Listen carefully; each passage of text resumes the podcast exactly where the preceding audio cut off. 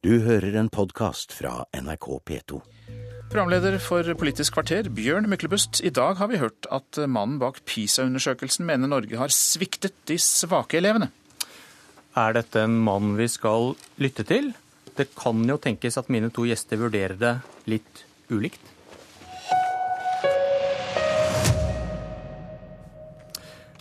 Hva sier du, næringsminister Trond Giske, er dette en mann vi skal lytte til? Absolutt. Det er jo derfor vi deltar i disse internasjonale undersøkelsene, for å se hvordan eh, vår skole kan bli enda bedre. Og selv om vi har klart å halvere antall elever med eh, lesevansker og løfta elevene veldig i realfag og matematikk, så er vi ikke i mål. Alle barn må bli sett i en felles god skole, og da må vi bruke pengene våre på skole. Det er mye viktigere enn skattekutt. Ja, det er viktigere enn tror jeg, nesten alle andre ting, å sørge for at folk får en god utdannelse. Men tar han feil? Han eh, tar ikke feil i den forstand at vi fortsatt har elever som eh, ikke henger med. Eh, og Derfor så er det viktig å ikke ta et hvileskjær på skolesatsinga nå, men tvert imot gi flere penger til skolen, sørge for å etterutdanne lærere, sørge for at lærerne har tid til hver enkelt elev, kutte byråkrati, ikke innføre karakterer i barneskolen, men bruke tida på undervisning i stedet for for, for mer eh, karaktersetting og rapportering og dokumentasjon. Så eh, vi skal lære av de internasjonale undersøkelsene. Vi skal lære av land som lykkes, som eh, får det til. Og vi skal fortsette den gode utviklinga norsk skole er i. Hva sier du, Guri Melby, sentralstyremedlem i Venstre, en god utvikling? Eh, nei, Det som PISA-sjefen her sier, er jo at vi ikke har greid å satse på de tingene som virkelig betyr noe i norsk skole. Eh, og det her er jo ikke nytt, for det, det, at læreren er den viktigste enkeltfaktoren for eh, elevers læring, sånn som han påpeker, det er jo noe vi har visst lenge.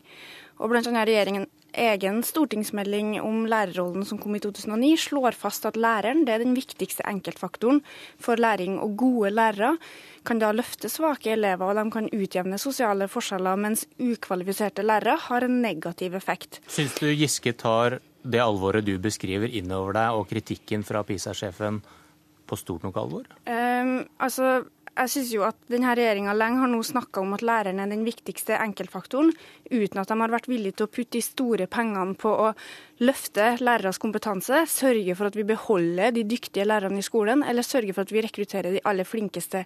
De har brukt de store pengene på timetallsutvidelse, eh, de har brukt penger på gratis frukt og grønt. og Jeg mener det er en feilprioritering, både fordi at forskning da viser at læreren er viktigst, men jeg tror også at hvis folk tenker litt gjennom at sunn fornuft forteller oss at læreren er viktigst, det å ha to timer matematikk med en dårlig lærer, det får du mindre utbytte av enn én time matematikk med en kjempegod lærer. Så jeg mener at regjeringa har prioritert feil gjennomgående i skolepolitikken.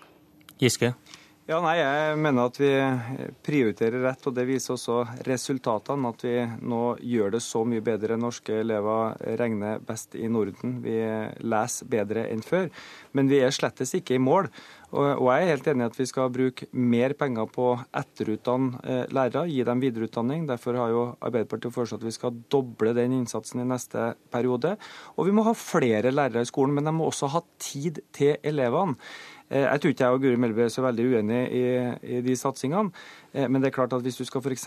gi 25 milliarder i skattekutt, og samtidig eh, prøve å satse på skolen, ja da må du ta fra ungene utrolig mange epler for å ha råd til det. Det kommer rett og slett ikke til å bli penger nok i skolen hvis du velger skattekutt foran skole. Og så ser vi jo mm. heldigvis altså, at Giske, nå, nå, har du hatt de her 25 milliardene, du har hatt dem, men du har fortsatt ikke greid å bruke nok penger på kompetanseheving. Det er sånn i dag at det er ca. 2000 lærere som får skikkelig videreutdanning som gir dem et kvalifikasjonsløft.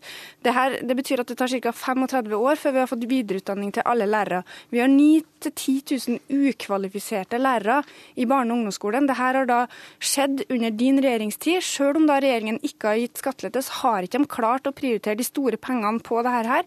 Og Derfor så har jeg veldig lite tro på at de skal gjøre det også nå. Ja, Det er jo nettopp eh, det å fortsette å satse da, Guri Melby, som er årsaken til at vi ikke må slippe til partier i regjering som du vil samarbeide med, da, som skal gi fra 25 til 100 milliarder i skattekutt. Og eh, bare for å si det, vi skal doble etter- og videreutdanninga. Det vil gi om lag 4000 lærere eh, videreutdanning. Og, og da har du ganske raskt eh, tatt etter det etterslepet med dem som er ufaglært. Men, og, og den rød-grønne regjeringen har bestemt seg for en lærernorm, så dere vil da ha mange flere lærere og veldig mye bedre lærere samtidig.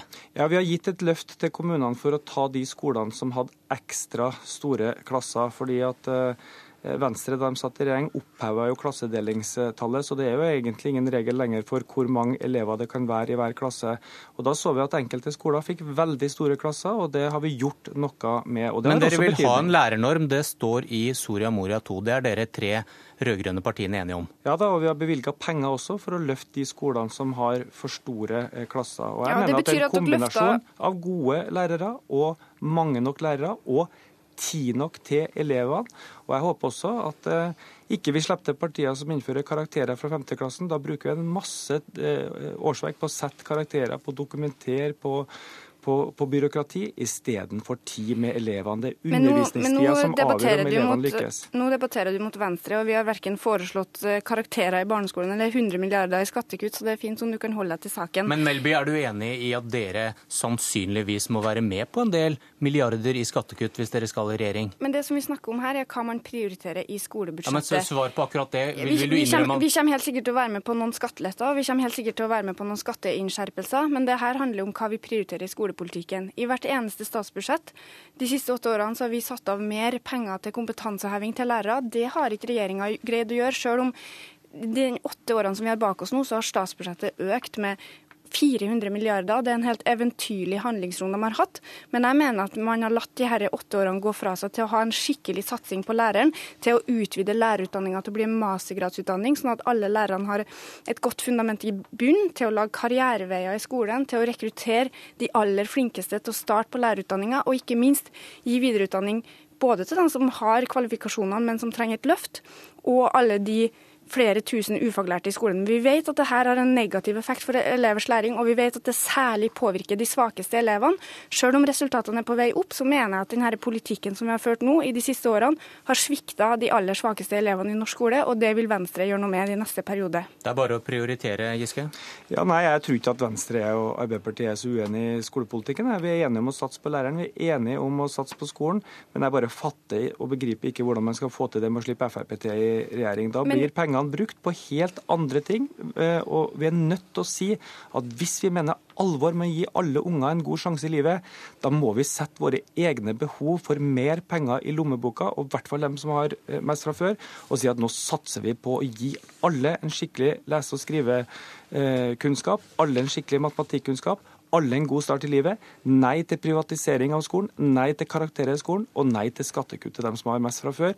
Vi er nødt til å velge i politikken, og det valget vårt er veldig tydelig, Guri Melby. Og du er velkommen til å være med og støtte det valget, men du sier jo at du skal gå i motsatt retning. Og da blir det hult når du sier at dere i deres statsbudsjett har eh, andre eh, valg. For hvis Siv Jensen blir finansminister og Erna Solberg blir statsminister, da er det nok neppe du som bestemmer skolebudsjettet. Jeg har ikke lyst til å sitte sammen med et parti som konstant prioriterer timetallsutvidelser. De prioriterer å kaste penger etter de skolene som ikke har greid å satse på læreren, eller som prioriterer leksehjelp med ufaglærte folk eller frukt og grønt. Jeg vil samarbeide med partiet som prioriterer kompetanseheving for lærere. Det gjør både Venstre, Høyre og KrF, og jeg tror at vi kan få til mye mer de neste fire årene enn denne regjeringa har fått til de åtte foregående. Vi avslutter med å konstatere at det blir ikke en regjering utgått av Arbeiderpartiet og Venstre.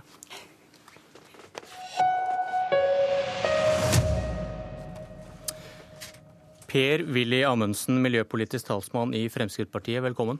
Takk, takk. Hvorfor reagerte du på at Natur og Ungdom og Bellona i går kritiserte politikken til Miljøpartiet De Grønne? Jeg bare først understreke at det er et hav av politisk avstand mellom Frp og Miljøpartiet De Grønne. Hvis noen skulle være i tvil om det. Det tror jeg vel egentlig ikke. Eh, men altså, jeg gjorde det fordi at eh, for det første så var Audun Lysbakken SVs leder ute på eh, diverse medier i løpet av helga og før helga eh, og ba om hjelp fra SVs venner. Eh, SV ser nå på sperregrensa og kan risikere å havne under den. Og da ser jeg at umiddelbart etter at han er ute og kaller inn sine venner, så, så er både Bellona ute, Natur og Ungdom ute, flere fra miljøbevegelsen ute, og går i angrep på Miljøpartiet De Grønne. Og det er jo Det blir litt for tilfeldig til at det ikke er en sammenheng. Det blir, det blir vanskelig å tro at ikke dette har en sammenheng med at SV er trua. Eh, og at man da går i forsvar for SV. Hvorfor skulle de forsvare SV? Det er altså flere grunner til det. Jeg syns, det, jeg syns egentlig det er merkelig, fordi at eh, jeg, jeg skulle tro at miljøorganisasjonene hadde en interesse av å løfte opp miljø- og klimapolitikken i den politiske debatten, for den har jo ikke så langt kommet så godt opp i, eh, i valgkampen. Men du mener de er redd for å miste penger, ja, og derfor så forsvarer de regjeringen? Det er altså ingen tvil om at alle de store miljøorganisasjonene er totalt avhengig av eh, Miljøverndepartementet. Der sitter altså SV og styrer. Eh, og hvis vi skal ta utgangspunkt i f.eks. Natur og Ungdom, så har jo de fått økt sine bevilgninger på statsbudsjettet med en, million, en halv million hvert eneste år de siste årene. Eh, og her har man altså en interesse av å ivareta sine egne økonomiske inntekter. Jeg tror, jeg tror, det er sammenheng med det. Samtidig så tror jeg at man ser på Miljøpartiet De Grønne som et forstyrrende element. Leder i Natur og Ungdom, Silje Lundberg. Her fikk du en bredside. Nei, vet hva, det her synes jeg bare blir for konspiratorisk og for latterlig, for å være helt ærlig, altså. Det er, hvis det er noe som Natur Ungdom har vist gjennom alle de 45 årene som vi har vært her, så er det at vi kjefter på folkene når man ikke har en god nok politikk, og at vi gir ros når man har det.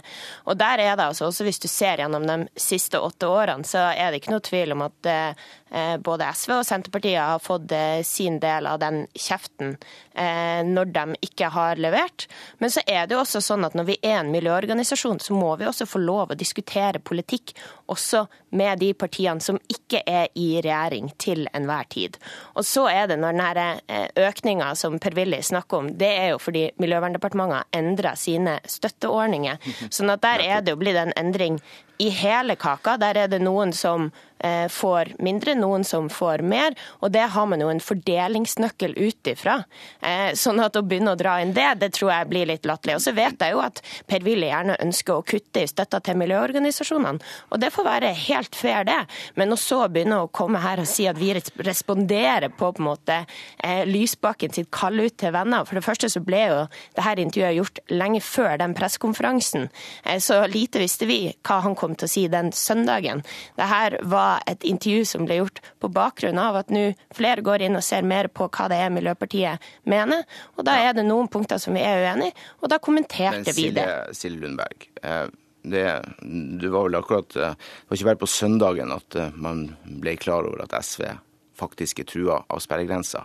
Eh, og jeg syns det er påfallende at du velger, ut, velger, å gå ut så hardt. For det er ikke bare snakk om kritikk. Dere går ut veldig hardt mot Miljøpartiet De Grønne. Natur og Ungdom har ikke Nei, men nå skal vi være, først ha en enighet om hva det er jeg har sagt. Det som Dere vi har kaller sagt... Miljøpartiet De Grønne for naiv. Det er jeg enig i. Nei, det har ikke Natur og Ungdom gjort. Det har Bellona gjort.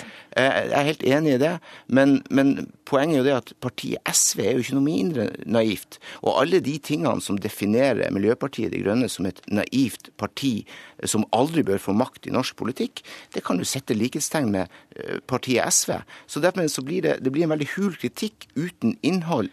Argumentene holder ikke vann, Silje Lundberg. Nå må du, da, huske hvem det er du, diskuterer med. fordi det er ikke sånn at du nå diskuterer med Fredrik Hauge, du diskuterer med meg. Og vi har ikke kalt Miljøpartiet De Grønne naiv. Det som vi har sagt, er at vi er uenige med dem om elektrifisering av sokkelen og karbonfangst og -lagring. Der har vi ulik eh, politikk. Vent litt nå, Per-Willy Amundsen, hvis jeg skjønner det som ligger i bånn her, så mener du at det er et problem at miljøorganisasjoner får penger fra staten? At de burde klare seg sjøl? Ja, eh, og jeg ser, jeg ser, det problemet ikke bare innenfor eh, miljøpolitikken. Jeg ser det i veldig stor grad i forhold til de som, det, det man kaller for innvandringsorganisasjoner også.